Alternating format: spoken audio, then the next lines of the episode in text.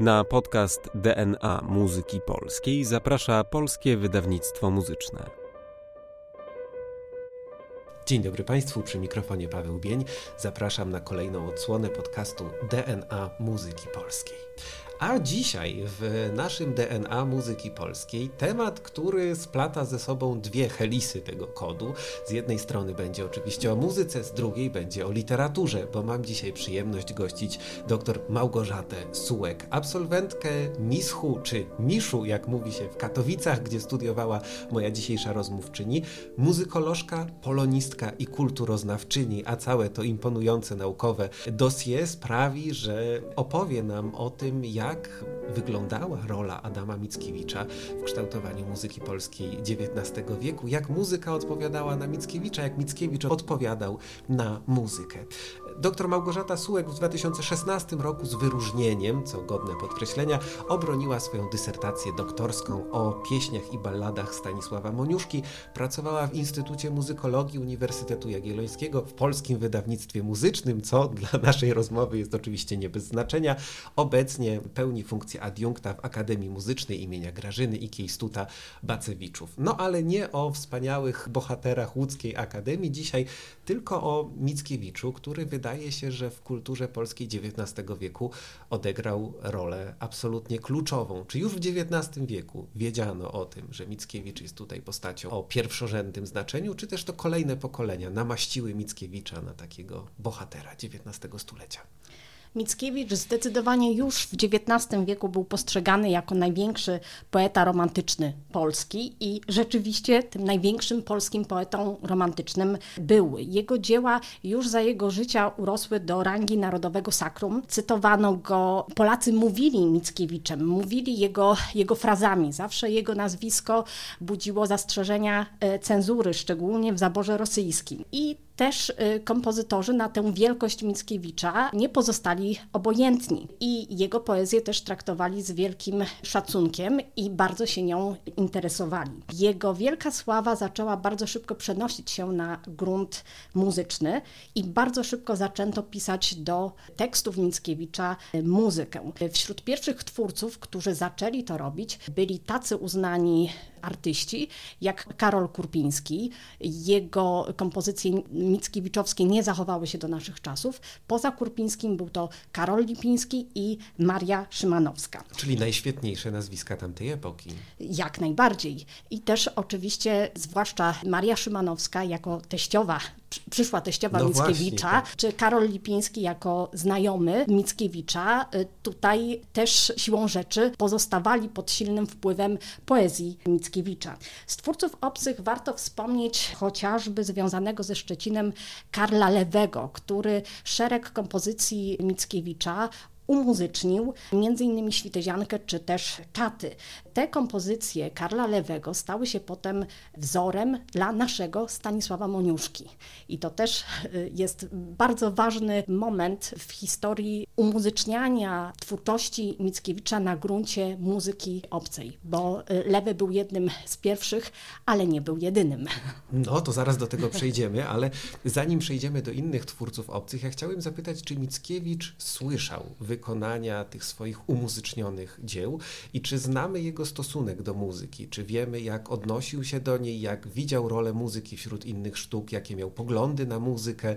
Czy był wyznawcą jakiejś konkretnej estetycznej frakcji? Zdecydowanie Mickiewicz był dobrze wyedukowany, jeśli chodzi o muzykę. Oczywiście to też ma związek z całym profilem edukacji, którą odbierali twórcy romantyczni. Zatem Mickiewicz zdecydowanie całkiem sprawnie się poruszał po tematach muzycznych. Jeśli chodzi o jego um-, umiejętności w zakresie e, praktyki muzycznej, gry na instrumentach czy śpiewu, Tutaj trzeba sobie powiedzieć, że źródła w tym zakresie są rozbieżne. Niektóre ze źródeł podawały, że Mickiewicz radził sobie z grą na flecie i na basetli. Inne z kolei wspominały o tym, że Mickiewicz no, nie znał nut. Zachowały się też relacje mówiące o tym, że Mickiewicz próbując śpiewać po prostu gdakał jak kura.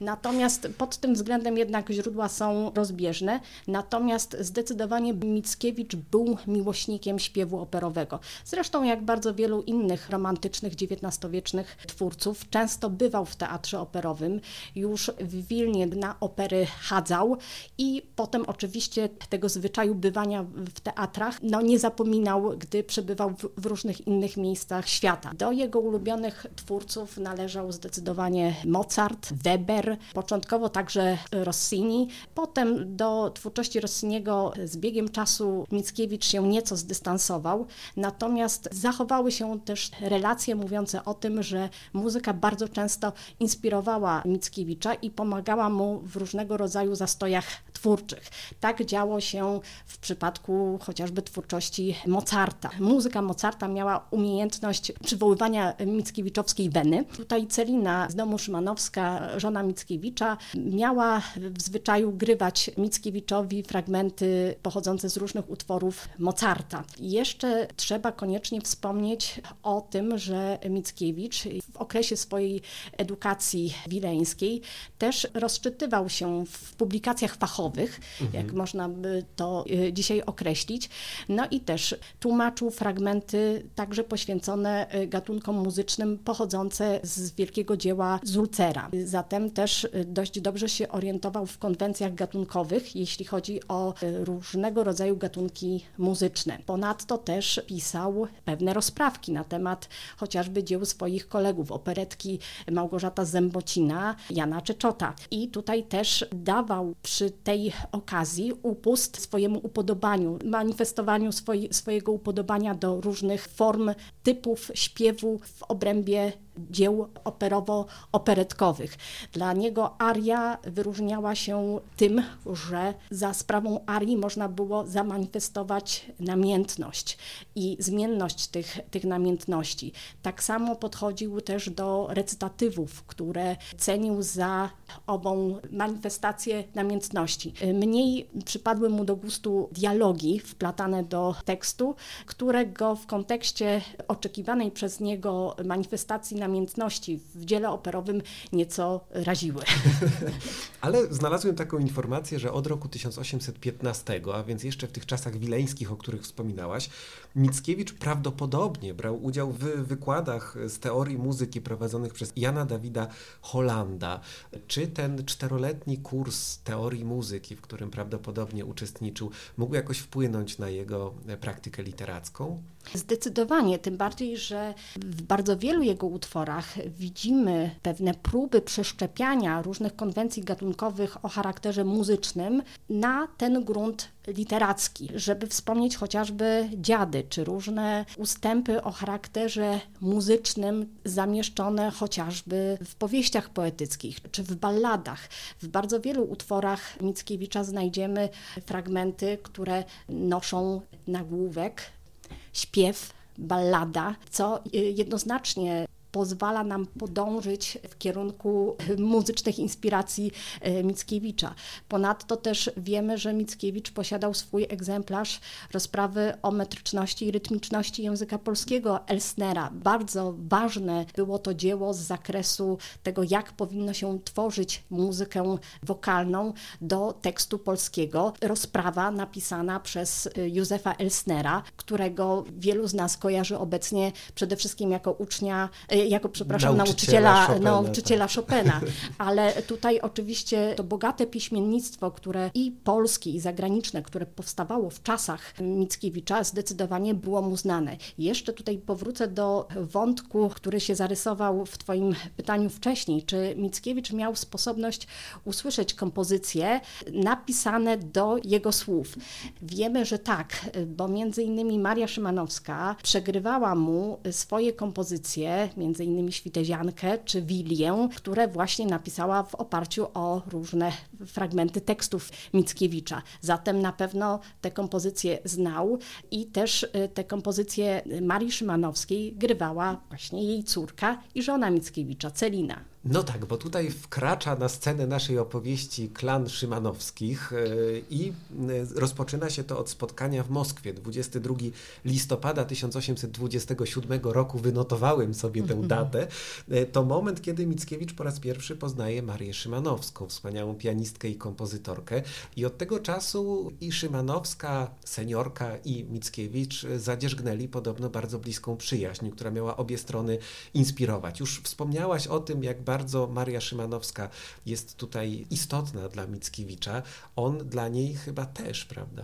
Zdecydowanie tak, no bo siłą rzeczy twórczość Mickiewicza stała się też e, inspirująca dla twórczości wokalnej Marii Szymanowskiej. Oczywiście, jeśli chodzi o te pierwsze utwory, bo właśnie Maria Szymanowska jest jedną z pierwszych kompozytorów i kompozytorek, y, którzy zaczęli pisać y, muzykę do słów Mickiewicza i tutaj zdecydowanie te utwory jeszcze pozostają w stylistyce preromantycznej, natomiast były one niesłychanie popularne i bardzo dobrze znane, między innymi przez to, że też doczekały się jeszcze za życia Mickiewicza no i z klanem Szymanowskich rzeczywiście te związki Mickiewicza były silne. Maria Szymanowska nie tylko wprowadzała Mickiewicza na właśnie rosyjskie salony, ale też stała się późniejszą teściową Mickiewicza, a on zachował we wdzięcznej pamięci wszystkie jej usiłowania, starania, które miały mu jednak ten pobyt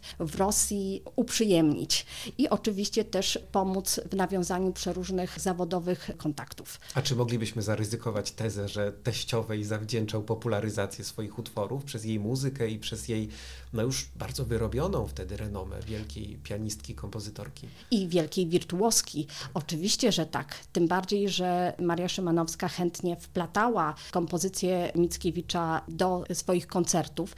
Tym bardziej, że słynny nokturn Le Murmur został dopiero później opatrzony tekstem poetyckim Mickiewicza. W związku z czym tutaj rzeczywiście Maria Szymanowska o tę popularyzację utworów pisanych do tekstów późniejszego zięcia rzeczywiście zabiegała. Czyli wszystko zostało w rodzinie.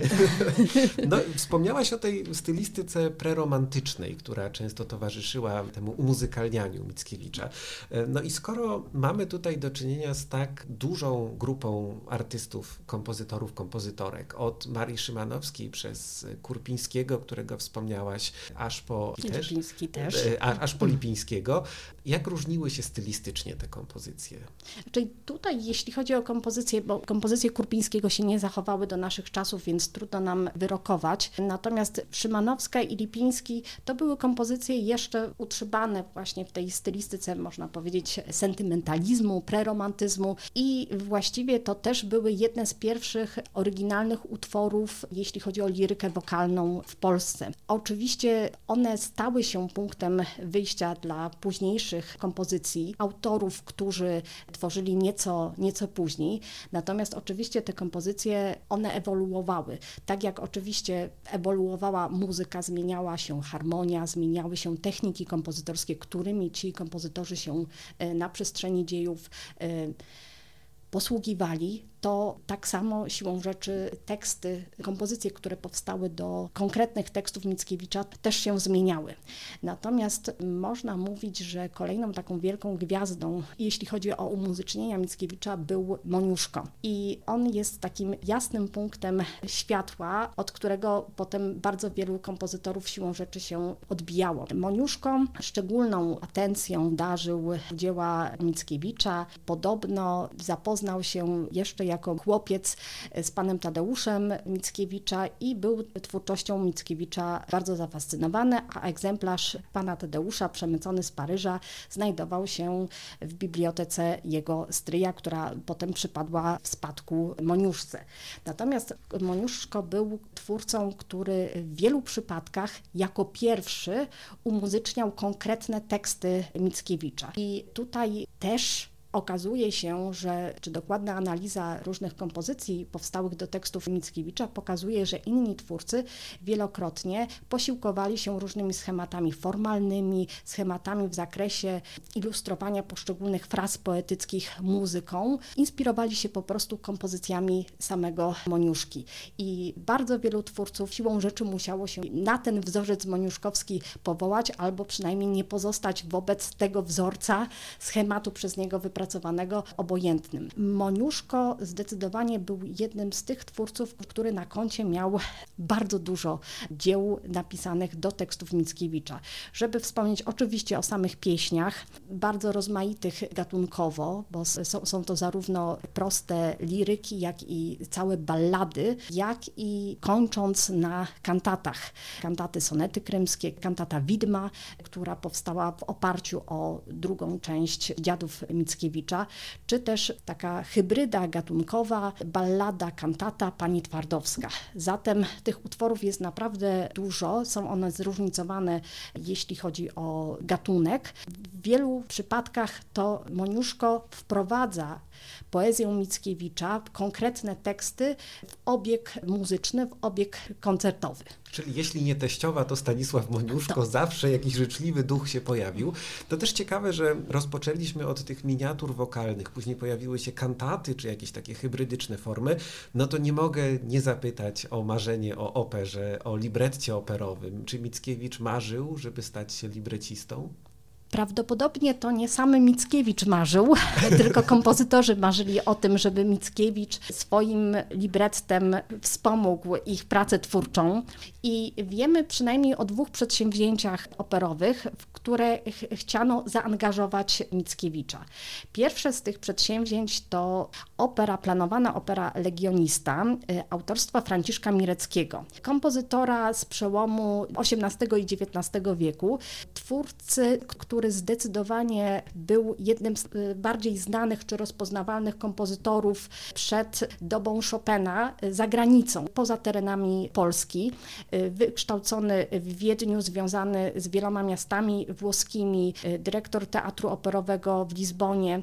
I gdy artyści Mickiewicz i Mirecki się spotkali, to spotkanie nastąpiło w Genui, kiedy już Mickiewicz miał możliwość opuścić ziemię Imperium Rosyjskiego i właśnie w Genui poznał Franciszka Mireckiego, który już miał na koncie kilka bardzo dobrze przyjętych oper. Z listów Antoniego Edwardo Odyńca, który towarzyszył Mickiewiczowi potem po podróży po różnych miastach, miastach europejskich, wiemy, że Mirecki zaprosił Mickiewicza i Odyńca na bliżej nieznane obecnie nam przedstawienie operowe, a potem zaczął y, usilnie nakłaniać Mickiewicza do tego, żeby napisał dla niego libretto. I Mickiewicz poważnie rozważał pomysł y, y, przedstawiony przez Mireckiego. I tak narodził się zrąb libretta opery Legionista. Bohaterem jest legionista Tadeusz, który przybywa do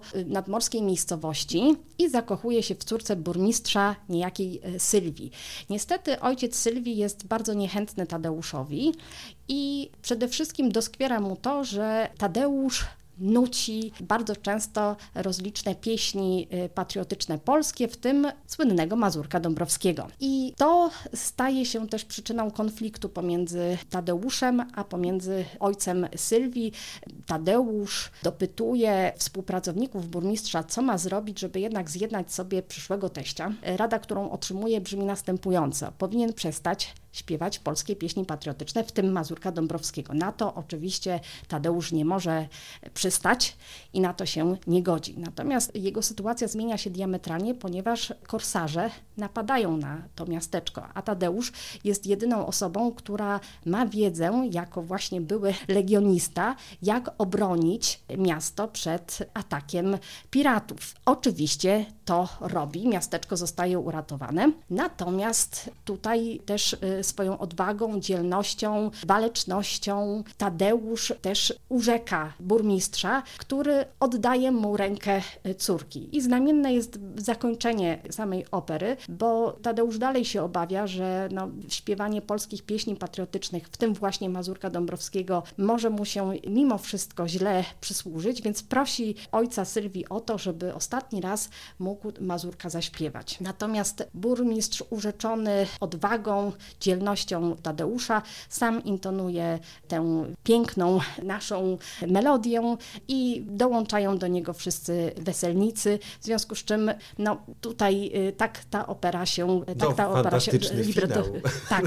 Znamienne oczywiście jest też to, że główny bohater planowanej opery, a też, też przypomnijmy, że to czasy jeszcze przed powstaniem pana Tadeusza, że główny bohater tej planowanej opery nosił imię Tadeusz. To było pierwsze przedsięwzięcie, o którym wiemy i o którym wiemy dość dużo. Czy zachowało się, zachowały się jakieś notatki do tego libretta?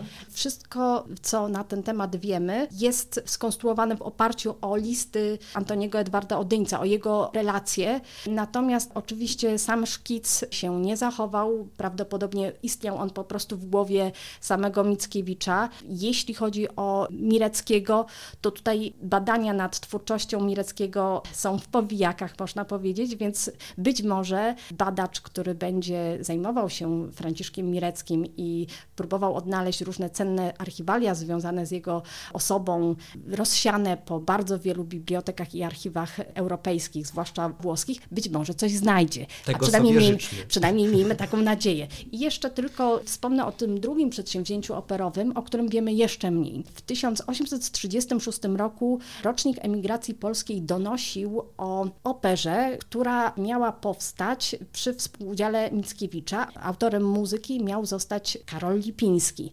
Natomiast więcej szczegółów na ten temat nie wiemy. Wiemy tylko, że ta opera nie powstała, ale też można wnioskować, że forma libretta operowego nie była atrakcyjna dla Mickiewicza. Mimo wszystko libretto operowe jako twór zależny od muzyki dość nisko znajdowało się w hierarchii romantycznych gatunków i zdecydowanie z uwagi na swoją podrzędność względem innych warstw dzieła operowego no nie mogło budzić zbyt dużego zainteresowania Mickiewicza. Na pewno nie zaspokoiłoby jego ambicji twórczych. A czy to prawda, że Mickiewicz nalegał na Chopina, żeby to Chopin skomponował operę do libretta autora Dziadów?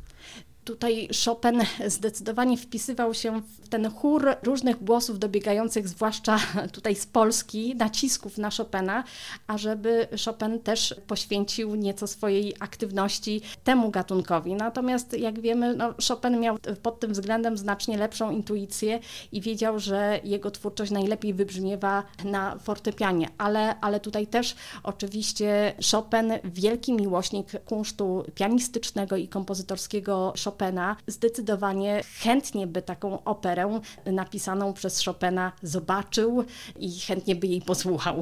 Ale mógł posłuchać pieśni, którą Chopin do słów Mickiewicza napisał, więc tutaj chociaż tyle na otarcie, na otarcie łez. E, no, ch chciałem też e, zapytać o to, jak mają się inni poeci romantyczni do tej popularności Mickiewicza jako autora dzieł, które będą tak chętnie umuzykalniane przez kompozytorów. Czy na przykład słowacki, czy Krasiński, czy nawet Odyniec wspomniany tutaj, mieli szczęście również tak chętnie zostawać autorami pieśni?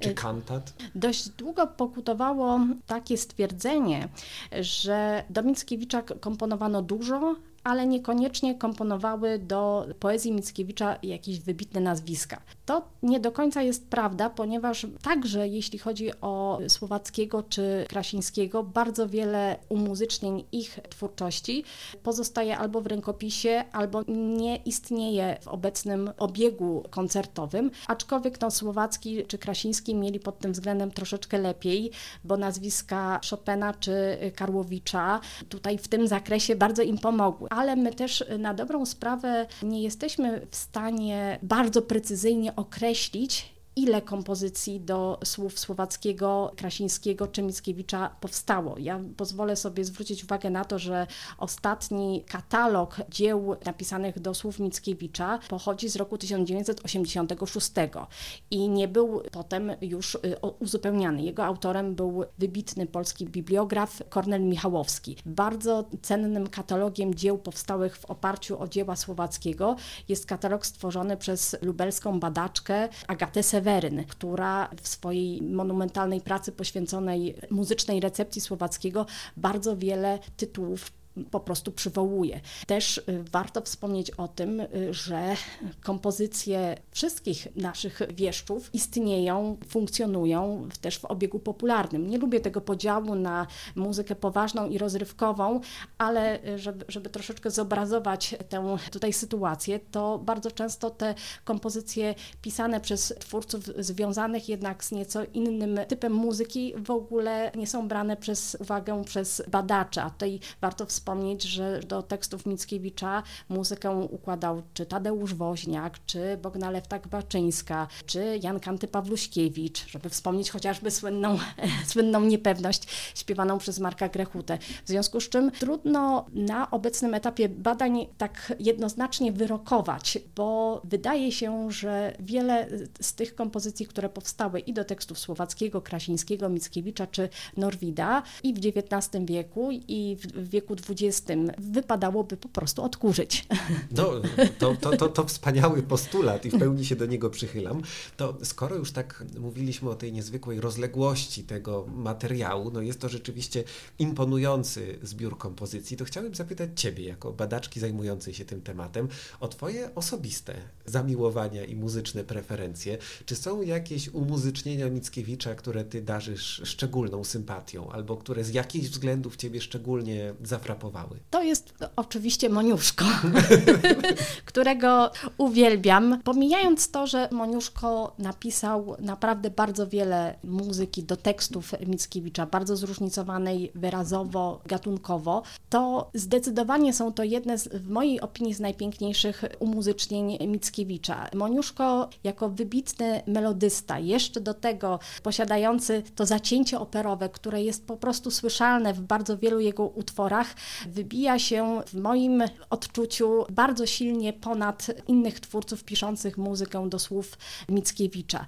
Moniuszko w piękny sposób potrafi oddać i rozpacz zdradzonej rybki, która popełnia, popełnia samobójstwo i potrafi oddać pewną rubaszność, wesołość starego Budrysa, który wita synów wracających z wyprawy wojennej z narzeczonymi, które są laszkami, które są Polkami, czy też też potrafi oddać furię i gniew zdradzonej świtezianki. Oczywiście urzekają mnie jeszcze na szczęście wydobywane już z niepamięci, ponieważ rok Moniuszkowski przyniósł też e, nagrania, kantaty Widma i sonety krymskie. Sonety krymskie, które są zestawem ośmiu umuzycznionych sonetów krymskich Mickiewicza, z osiemnastu napisanych przez Mickiewicza. Tutaj wielkie wrażenie na mnie zawsze robi tryptyk morski, czyli cisza morska, żegluga i burza, y, gdzie Moniuszko cudownie ilustruje fale bijące o statek, wyjący wiatr. No i oczywiście wielkie wrażenie zawsze na mnie robi chór ptaków nocnych z kantaty Widma.